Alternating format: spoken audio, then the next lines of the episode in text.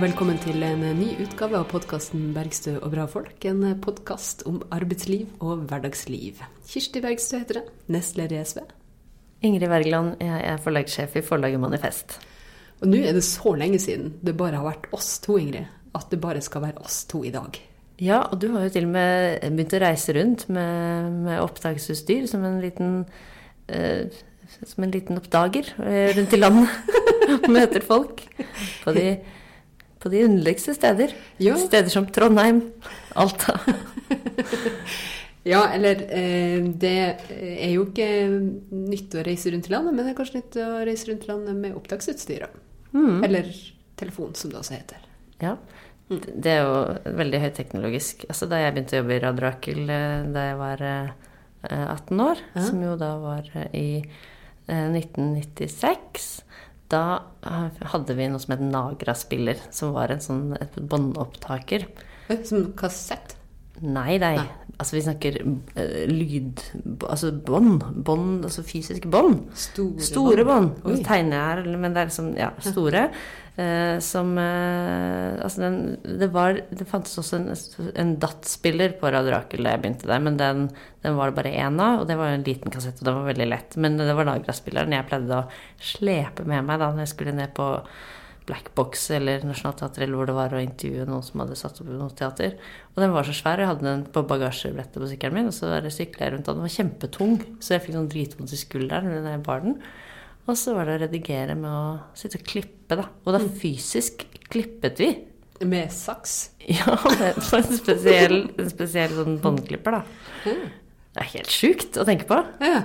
Uh, og faktisk, eh, da jeg jobba i NRK bare et, ja, bare et år etter det, så, eller noen få, år- noen få år etter det, så, så, gjorde vi også bånd, så gjorde vi også opptak eh, med bånd på den måten der, før vi da fikk noe sånn digitalt eh, redigeringsprogram. da. Men eh, for en rivende utvikling det har vært, var egentlig poenget mitt. Så du har liksom vært med på Vært med på reise? Du har vært med på den teknologiske radioreisa? Rett og slett. Yes. Så fantastisk. Hvor mye veide den der? eh? Nå veide helt enormt mye. Altså, jeg bare tenker på Ja, ja nei, det var jeg vet ikke, du- mange, mange kilo. Altså, Hvis du har den på, på sykkelen din Altså, Du bruker jo å sykle rundt de gangene jeg er i Oslo. Så bruker du å sykle rundt med bagasjebrettet. Hva veier mest? Mer enn en båndopptaker? Du veier mer enn en båndopptaker. Ja, ja. ja. Men, eh, men det er så lett til sinns, så jeg merker ikke noe forskjell. men, eh, men det var egentlig for å si at eh, Man snakket jo om at, eh, at eh, da nærradioen eller lokalradioene kom på begynnelsen av 80-tallet, så var det en sånn enorm demokratisering eh, i det at flere kunne få ta ordet og, og snakke, snakke der ute. Eh, så kom det jo mye ræl av, av altså Ikke et vondt ord om bingo, men det var veldig mange av disse lokalradioene som var drevet av liksom, Det gjør noen av dem fremdeles. ikke sant, for all del. Og det, det er fint, det òg, men det var ikke, liksom, det var ikke liksom gravende journalistikk på hver, i hver lokalradio, kanskje. Ja. Og kanskje ikke alltid like bra musikk og sånn, men det var en del som også hadde det. Så da, men jeg føler at vi tar opp igjen liksom arven etter eh, lokalradioens eh, idé da, med, med podkast, ikke sant. Eh, særlig når du da i tillegg kan, kan farte rundt og, og snakke med folk andre steder enn i Oslo. Ja. Og det må man gjøre når jeg tross alt bor i Finnmark. Ja, ja. Og, og at det fins Ja. Og er nestleder i et parti som skal være til stede i hele landet. Ikke sant. Så, eh, men det er veldig fint for oss da, som ikke reiser så mye som deg, å kunne høre på dine møter med, med, med Handel og Kontor i Alta og om 60-årsdagen i Tina Heimdal. og- Fint du syns det. Mm. Så det er bra. Men eh, når vi nå snakker om vårt langstrakte land, Ja, Vakre, langstrakte land. og du bor i Finnmark, sier du fortsatt at du bor i Finnmark, eller har du begynt å si at nei, jeg bor i Nestby i Troms-Finnmark? Nei, jeg bor i Finnmark. Ja. Så eh, er det klart at den midlertidige konstruksjonen Troms og Finnmark eh, kommer jo ikke til å endre på at man er en finnmarking. Eh, Så jeg bor jo i Finnmark. Og det syns jeg jo egentlig at alle altså, Hvis man bor i Viken, da. Du kan ikke si at du bor i Viken, for ingen skjønner jo eh, ja, Ja, hvor i Viken? hvor, hvor, hvor i Viken da. Så, eh, så man, må jo, man må jo forholde seg til fylkesnavnene og stedene som man, som man kommer fra. Og I hvert fall når de er av midlertidig karakter, sånn som Troms og Finnmark er. Og for så vidt Viken òg. For det må jo løses opp etter eh, 2021, når man eh, har et nytt flertall på plass. Hva hva er det som skjer egentlig nå med denne sammenslåingen? Nei, altså Den er jo et faktum, da. Eh, først i første i år. Eh, og så er det jo fremdeles Nå var det nylig en, en undersøkelse som viste at det fremdeles er veldig høy motstand mot denne sammenslåinga. Og et veldig overveldende flertall som ønsker å løse opp fylkene. Og fra fylkestinget i Troms og Finnmark sin side, der jeg, der jeg sitter nå som representant, og gruppeleder for SV, så skal eh, vi behandle en, eh, en, søknad om å dele opp fylkene eh, på fylkestinget i mars. Og så er det jo ikke helt sikkert at den blir innvilga eller godkjent fra det flertallet som vi har i dag. Men da syns jeg bare man skal fortsette å anke og anke og sende nye søknader helt til den går gjennom. Men hvilke partier er det som stiller seg bak denne søknaden, da? Det er jo i hvert fall de som utgjør flertallet, som er SV og Arbeiderpartiet og Senterpartiet. Eh, og som også har de plattformen, den politiske plattformen for fylket. at man skal jobbe aktivt mot tvangssammenslåinger, og så samarbeide med fylker som er i, i, i, lignende eh, situasjon, altså at man er slått sammen mot sin vilje. Eh, og nylig så hadde jeg et innlegg sammen med, sammen med, med representant fra Viken og også Innlandet SV, der vi sier at vi ønsker å søke skilsmisse. Eh, og det var jo selvfølgelig henvendt til Frp, som har gått ut av regjering siden de eh, var så upopulære at de bare falt på målingene som en stein. Eh, og som, som, fant ut at det var mye bedre å gå ut av regjering enn å være i regjering og bli upopulær. Og da drev jo dem og lefla med ideen om at man skulle liksom få at man liksom skulle løse opp Viken. Og da tok jo SV dem på ordet og fremma forslag om akkurat det. Og også at de andre fylkene som ikke ønska å være sammenslått, skulle få muligheten til å, til å ja, løsnes opp igjen, da. Og da ble plutselig liksom ordlyden at nei, eh, det ble for dyrt eh, å, å, gjøre det, da. Eh, mm. Så nå er jo utfordringa vår det er jo om Frp vil være taleheng til Høyre og være partiet som overkjører folk flest, eller om de ønsker å stemme for at fylkene skal kunne ja, følge folkeviljen. Mm. Men eh, med denne en nye ja, Det heter jo ikke at det er en ny regjering, men endra, endra regjeringen, Solberg 2.0, 3.0, eller hva vi skal kalle den, eh, så har vi jo fått en Stumpan av Solberg-regjeringa. så har jo vi fått en ny minister, nemlig eh, Linda Hofstad Helleland, som er blitt distrikt- og digitaliseringsminister. Mm. Men ja, Vet du hva, Det merka jeg allerede første dagen. fordi at den dagen hun ble utnevnt, ja. Eh, da skal jeg reise fra Kirkenes til, eh, til, Oslo. For det er liksom direkteruta når jeg skal fære fra Finnmark til Oslo. Og det som skjedde da, var at eh, det her tekniske systemet på Kirkenes lufthavn, som alltid bruker å fungere helt plettfritt, det var slått ut. Ja, Eh, så distriktene kollapset? Altså, digitaliseringa i distriktene mener jeg at, at, hadde en umiddelbar eh, reaksjon, ja. eh, eller respons, på denne utlevelsen. Så det tenkte jeg på når jeg satt i flyet den dagen, at ja ja, sånn, sånn går det. Men, men, hva er hennes, hennes svar, da? Til, til skilsmissefortellingen? Skilsmisseanmodningen? Eh, Nå er det jo ikke hun som skal behandle det. Eh, og litt ut av problemet med, med hun er jo at hun ikke behandler noen ting som helst. Nei, det er liksom ikke noe i hennes såkalte portefølje, som Nei, de kaller det. Nei, det er jo litt sånn vanskelig å få øye på det, da. Ja. Fordi eh, nå nylig så, eh, så, har det jo vært eh, eh, kjent at Widerøe skal kutte voldsomt ned på flyvninger. Mm. Og så har hun blitt utfordra på å mene om det, og så sier hun sånn Nei, nei, jeg kan ikke si noe fordi det er samferdselsministeren sitt bord. Og da tenker jeg at eh, Da tenker jeg jo at eh, hvis man ikke kan mene noe om, eh, eller peke på utfordringer for folk som lever i distriktene, så viser jo bare at de har dikta opp en eller annen ministerpost for å si sånn å ja, dere sier vi driver med sentralisering. Nei, men vi har en sånn distriktsminister. Mm. Bare sitter, hun sitter her. Mm.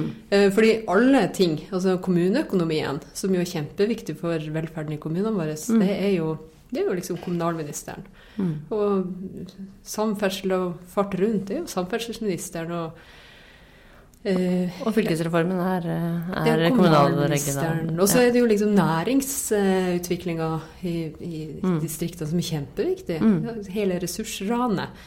av fiskeri. Eh, kystfiskeflåten, ikke sant. Det er jo liksom fiskeriminister. Så hva kan hun egentlig mene noen ting om? Det er jo det spørsmålet vi må, må stille oss. Og jeg lurer på hva i fanken vi skal med en distriktsminister, hvis man liksom ikke evner å løfte opp noen av de sakene som er viktige for oss som lever og bor i distriktene.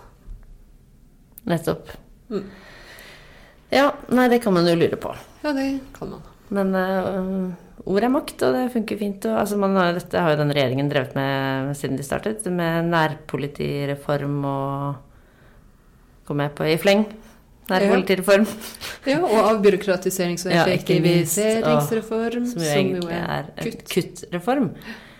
Eller egentlig bare kutt. Det er jo Ja, ikke noe kutt. reform Nei, det er ikke reform. kutte. Det er bare kutt. Ja, vi kutter i Arbeidstilsynet, Ja. og så kaller vi det reform. Ja. Vi kutter i Nav, og så kaller vi det reform. Ja. Nei, Nei. Så det er jo en lek med ord, som Ja. jo e- egentlig er en lek med folks liv. Med folks arbeidsliv og, og, og forhold og, og virkelighet og lokalsamfunn. Mm.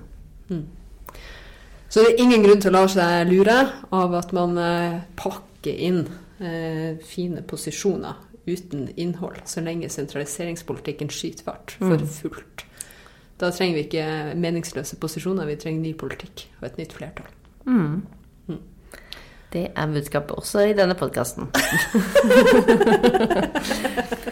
Men eh, apropos fine ord og eh, repeterende eh, greier, eh, så har jo regjeringen også hatt en liten konferanse. Ja, De hadde jo sin har perspektivkonferanse. Hvor, eh, hvor de da eh, hadde Jan Tore Sanner, eh, finansministeren, nyslåtte finansministeren, var ute og advarte. Nå må vi passe på. Nå er det framover nå. Så må vi jobbe mer. Vi må jobbe lenger. Vi må gjøre store kutt i velferden. Eller han sa det, sa det rett ut, at vi skal kutte i velferden. Han sa i hvert fall at vi må innstramme eller være Han sa det på høydespråket, men det er jo det det betyr. Ja. Ja. Uh, og det fikk jo deg til å sende på pluggene. For det Altså Ja, vi hadde vel litt, litt like reaksjoner, men også litt ulike. Fordi eh, jeg ble helt sånn Ja vel, herr Medie-Norge, dere skriver om dette her. Dette er jo bare høyrefolk som sier det samme som de sier hver eneste dag. Dette er det som står i programmet deres, de bare gjentar det. Hva, hvor, er, hvor er nyhetsverdien i dette, tenkte jeg som gammel journalist. Men eh, det var vel at han har vært på den konferansen, da. Så det ble en nyhet, da. Perspektivkonferansen. Ja. Da, da, tenker man sånn Oi, nå, nå har det vært perspektivkonferanse, det er sikkert nye perspektiver, så vi må skrive, skrive om det. Så la er ikke merke til at det var bare det gamle. Det Ja. gamle, ja. Men det var jo særlig ett budskap der som jeg syns var veldig provoserende. og Det var jo eh, den meldinga han hadde til eh, alle som eh, kjemper for kortere eller redusert arbeidstid. Og det var jo 'glem det'. Ja.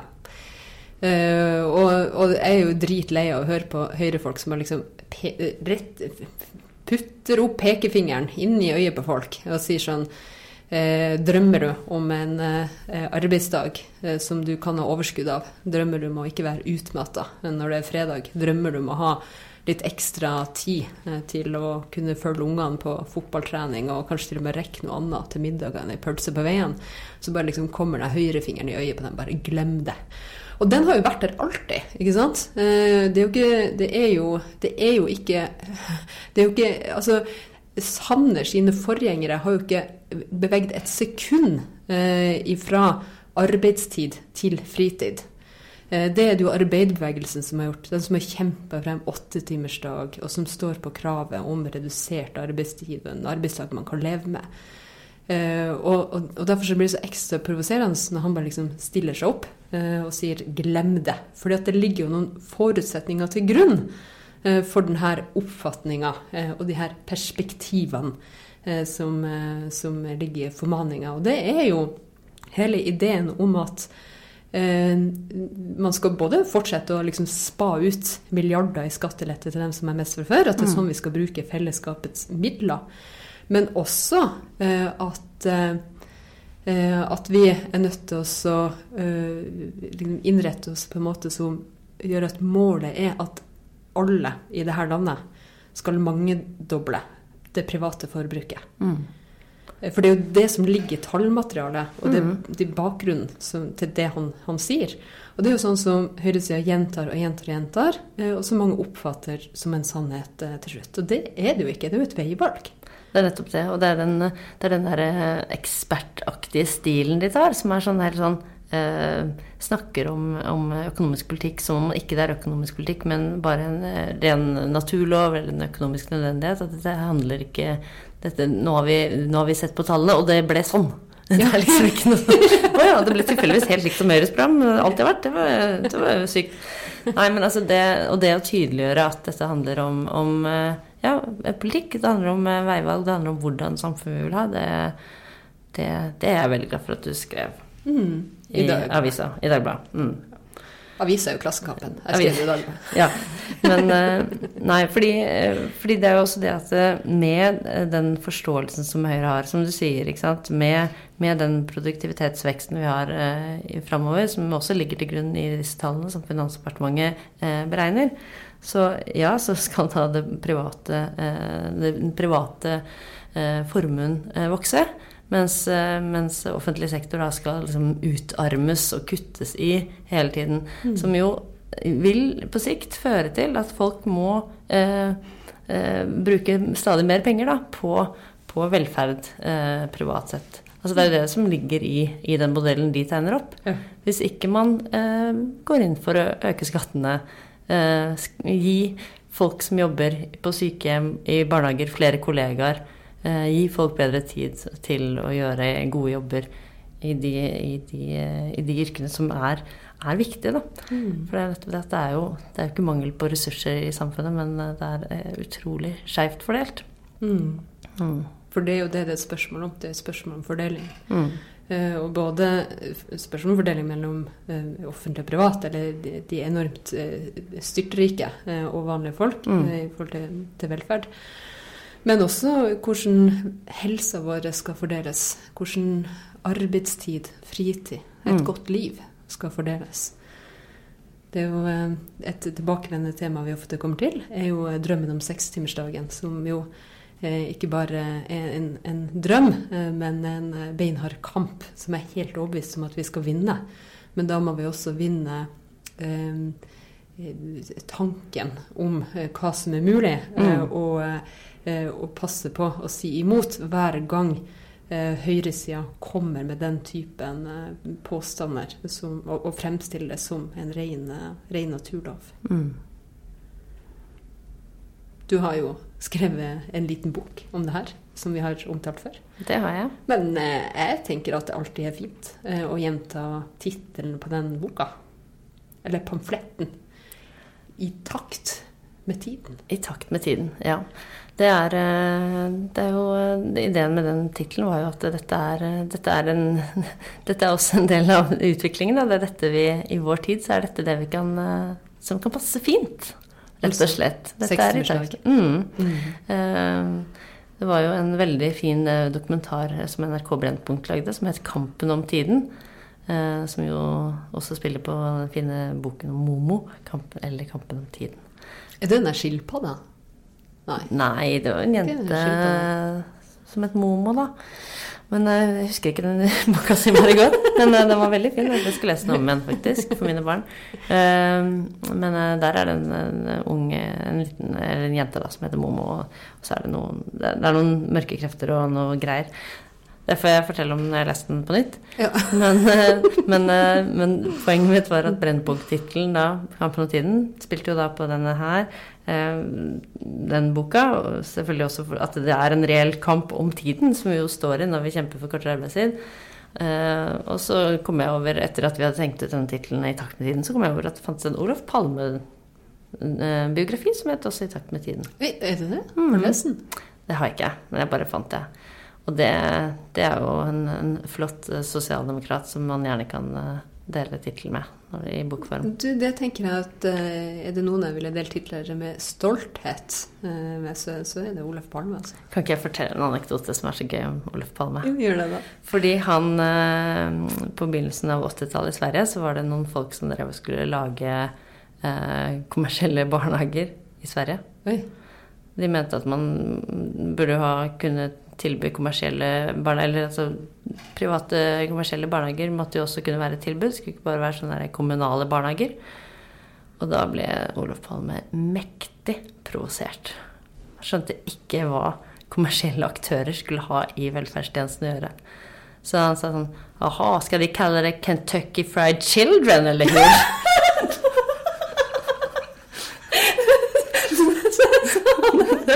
Sånn Kentucky Fried Children. Det er veldig gøy. Det er en nydelig kommentar. Ja, veldig bra. Det er ganske, det er ganske hardt. Så det er jo litt, eh, det er litt gøy å tenke tilbake på når man, eh, når man ser hvordan, hvordan eh, det blir ramaskrik når man snakker om profittfri velferd i dag fra de kommersielle aktørene. Mm. Mm. Skal vi bare rope tilbake 'Kentucky Fried Children' eller hur? Så det er nye, nye slagordet. Ja, men det er jo også en sånn uh, historie som viser hvor høyreglidd politikken har blitt. Mm. For eh, det er jo ikke alle sosialdemokrater som ville sagt det i dag. Nei, men, uh, det burde de jo, da. Mm. Det er jo ganske kult. Alle burde mene nesten det samme som Olof Palme. Ikke sant? ja. Enn du, Ingrid, hva du har barna med i det siste? Hva har jeg drevet med i det siste? Nei, jeg jobber jo i dette forlaget Manifest, da, så det er jo mye eh, Naturlig nok mye bokutgivelsesarbeid. Ja.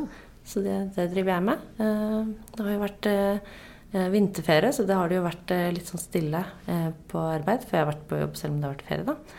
Så da har eh, for vinterferie det er jo egentlig bare noe barna har. Det er jo ikke noe foreldrene har. Nei. Eh, man kan jo selvfølgelig ta det hvis man har eh, Hvis mulighet for det, men det har ikke passet helt, da. Men vi kommer med så mye bøker framover, så det må vi jo eh, få ut i verden. Så det kommer en bok, Giskesaken, 'Giske-saken', og 'Hvordan vi får metoo tilbake på sporet'. Kommer eh, denne uka her. Den, den føler jeg faktisk at trengs. Ja, det, det vil jeg absolutt si. Ja. Så det, den blir det mye halloi rundt, tror jeg. Eh, og så kommer vi med en bok om p-pillens historie, som heter 'Pillen'. Historien om 1900-tallets viktigste oppfinnelse. Oi. Som er rett og slett historien om, om denne frigjørende og også kontroversielle pillen. Mhm. Så det, det, er, det er mye bra på gang. Da eh, er det jo også lagd en eh, nydelig countrylåt Ja. ja, som heter eh, The Pill. Ja. Jeg tror den heter det. Det gjør den. Nå har ikke jeg satt meg inn i sånn musikkrettigheter og podkast-greier og sånn, så vi, vi får ikke spilt den her. Men jeg syns jo hvis folk skal eh, sette på internett og høre på denne nydelige sangen The Pill Og hvis, hvis ja, hun, Det er en ganske velartikulert eh, dame som synger, så du hører jo teksten godt, men det går jo også an å søke opp lyrics for å virkelig lese og høre samtidig. Det vil jeg også anbefale. Hun heter Loretta Lynn. Ja, nettopp. Loretta Lynn. Og Ja. dette er jo en veldig På nordnorsk. Lor Loretta Lynn. Hun Loretta Lyng, og hun har en uh, Lyng, faktisk. Lynn. Hun, uh, Sandra Lyng. Og det er jo en veldig, veldig sterk uh, personlig historie også om henne, så man kan jo også lese, lese litt på Wikipedia om, om hennes eh, li, liv og biografi, da. Ja, Det er gode bøker å glede seg til her. Ja. Ja. Men eh, du, da? Du, det er jo eh, mye reisevirksomhet av ymse grunner, men eh, det har jo også vært eh, årsmøter mm. i det siste. Det er jo mange, mange lag og foreninger og partier og organisasjoner har jo årsmøte på nyåret, og det har også SV. Så jeg har jo bl.a. vært på årsmøte i Troms og Finnmark. Ja. Ja, det var jeg og min gode nestlederkollega Torgeir Knag Fylkesnes som var, og, i, i Alta og var på, på årsmøte der. Det var veldig flott. Ja, så eh, Bjarne Rode ble gjenvalgt som fylkesleder for femte året. Oi. Ja. Eh, og det var skikkelig god kampglød og sterk stemning og veldig, veldig, veldig flott. Eh, det var det. Mm. Så da var det jo selvfølgelig diskusjon om eh, sentralisering, om hvilke virkninger det har for lokalsamfunnene, for eh, arbeidsplassene og for tjenestene i, i distriktene. Det var også eh, diskusjon om samferdsel, selvfølgelig, og også om internasjonale saker som Tyrkia bl.a. var SU opptatt av å, av å løfte frem. Og så er det en veldig alvorlig situasjon eh, i, eh, som nylig har oppstått. Og det er at Tine har eh, Altså Tine Meierier Ja. eh, har eh, ikke landa på, men, men varsla at det kan bli aktuelt å legge ned meieriene i Alta eh, og i, i Tana. Og det er de to meieriene vi har i Finnmark. Nei.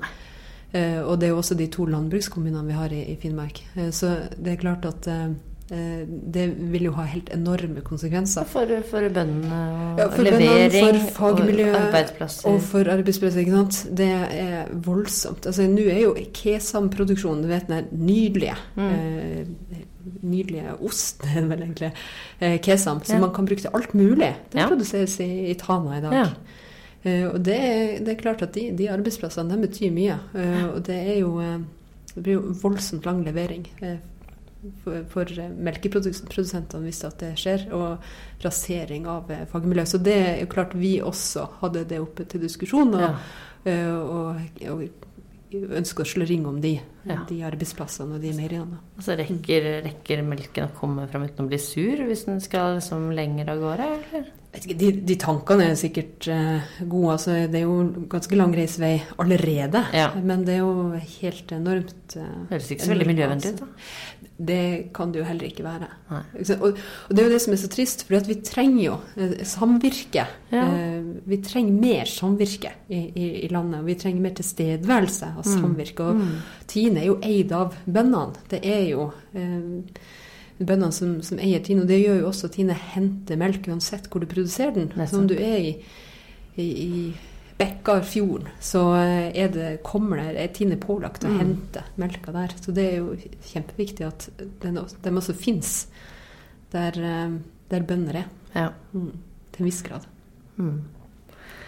Men jeg må bare fortelle om en liten kulturell opplevelse også. Ja, gjør det. Fordi eh, det er vi møttes på fredagen og hadde åpent folkemøte og smekkfull sal og kjempestemning. Og så Mm. på lørdagen så var det også veldig god, god, god, godt møte og fin middag, eller hyggelig middag og godt lag. Og så sneik jeg meg ut på kultur. Fordi det viste seg at uh, i Alta den helga så var det metallfestival. Oi! Ja, så da, uh, da dro jeg også noen andre og hørte på en veldig eh, harde eh, riff eh, i, i noen timer som, eh, som jeg kjenner at jeg kommer til å leve lenge på. Ja, så det var høydepunkt på mange fronter. Det kan vi bare slå fast. Så bra. Det høres veldig fint ut. Men eh, nei, vi har hatt årsmøte i Grünerløkka SV òg, vi. Dere det, ja? Ja da, Hva så- dere hadde oppi der, da?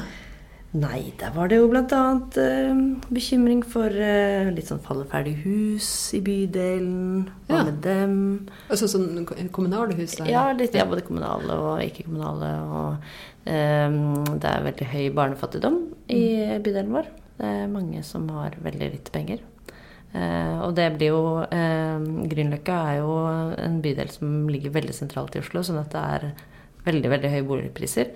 Eh, sånn at det blir en enorm kontrast eh, for de fattige eh, familiene opp mot da eh, de, de som de ny, nyinnflyttede, da, ikke sant? som jo har mye mer penger. Sånn at det, det, det er en viktig, viktig sak, da. Å sørge for gode, gode tilbud Det for er kjempe, alle. kjempeviktig sak. Det, det var jo også et tema på, på årsmøtet hos oss. Da, Mm. At veldig mange i kommunene prøver å, å holde barnetrygda borte Ja. når sosialhjelp skal beregnes. Mm. Sånn at ikke den regnes som inntekten til, Mm. til eh, foreldrene. eh, Og at dermed alle får barnetrygd, bortsett fra de som har aller minst. Ja.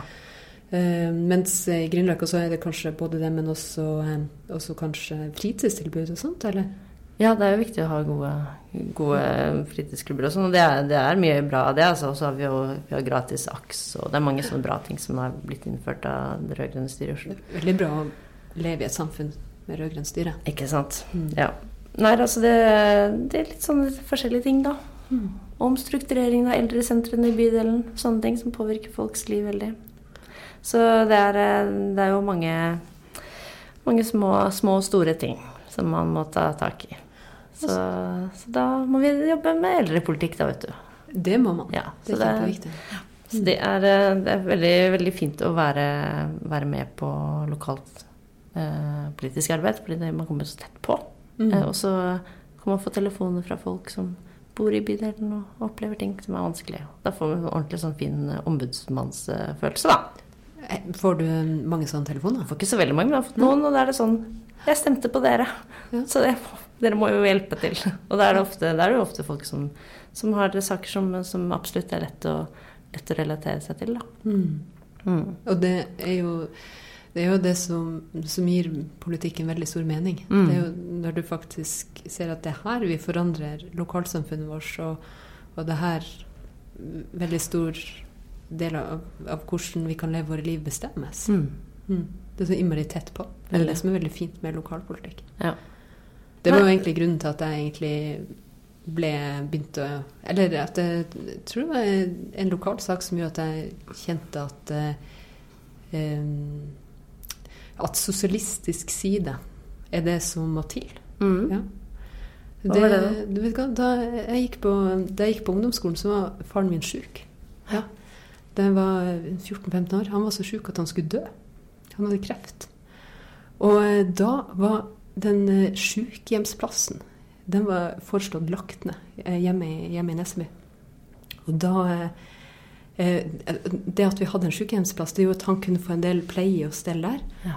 Istedenfor å måtte reise på sykehus og være borte fra oss hele tida. Ja. så, eh, så da eh, eh, engasjerte han seg i det, i de kreftene han hadde i sin alvorlige sykdom. Ja. Og eh, da får du en sånn aha-opplevelse av hva det betyr for noen ting.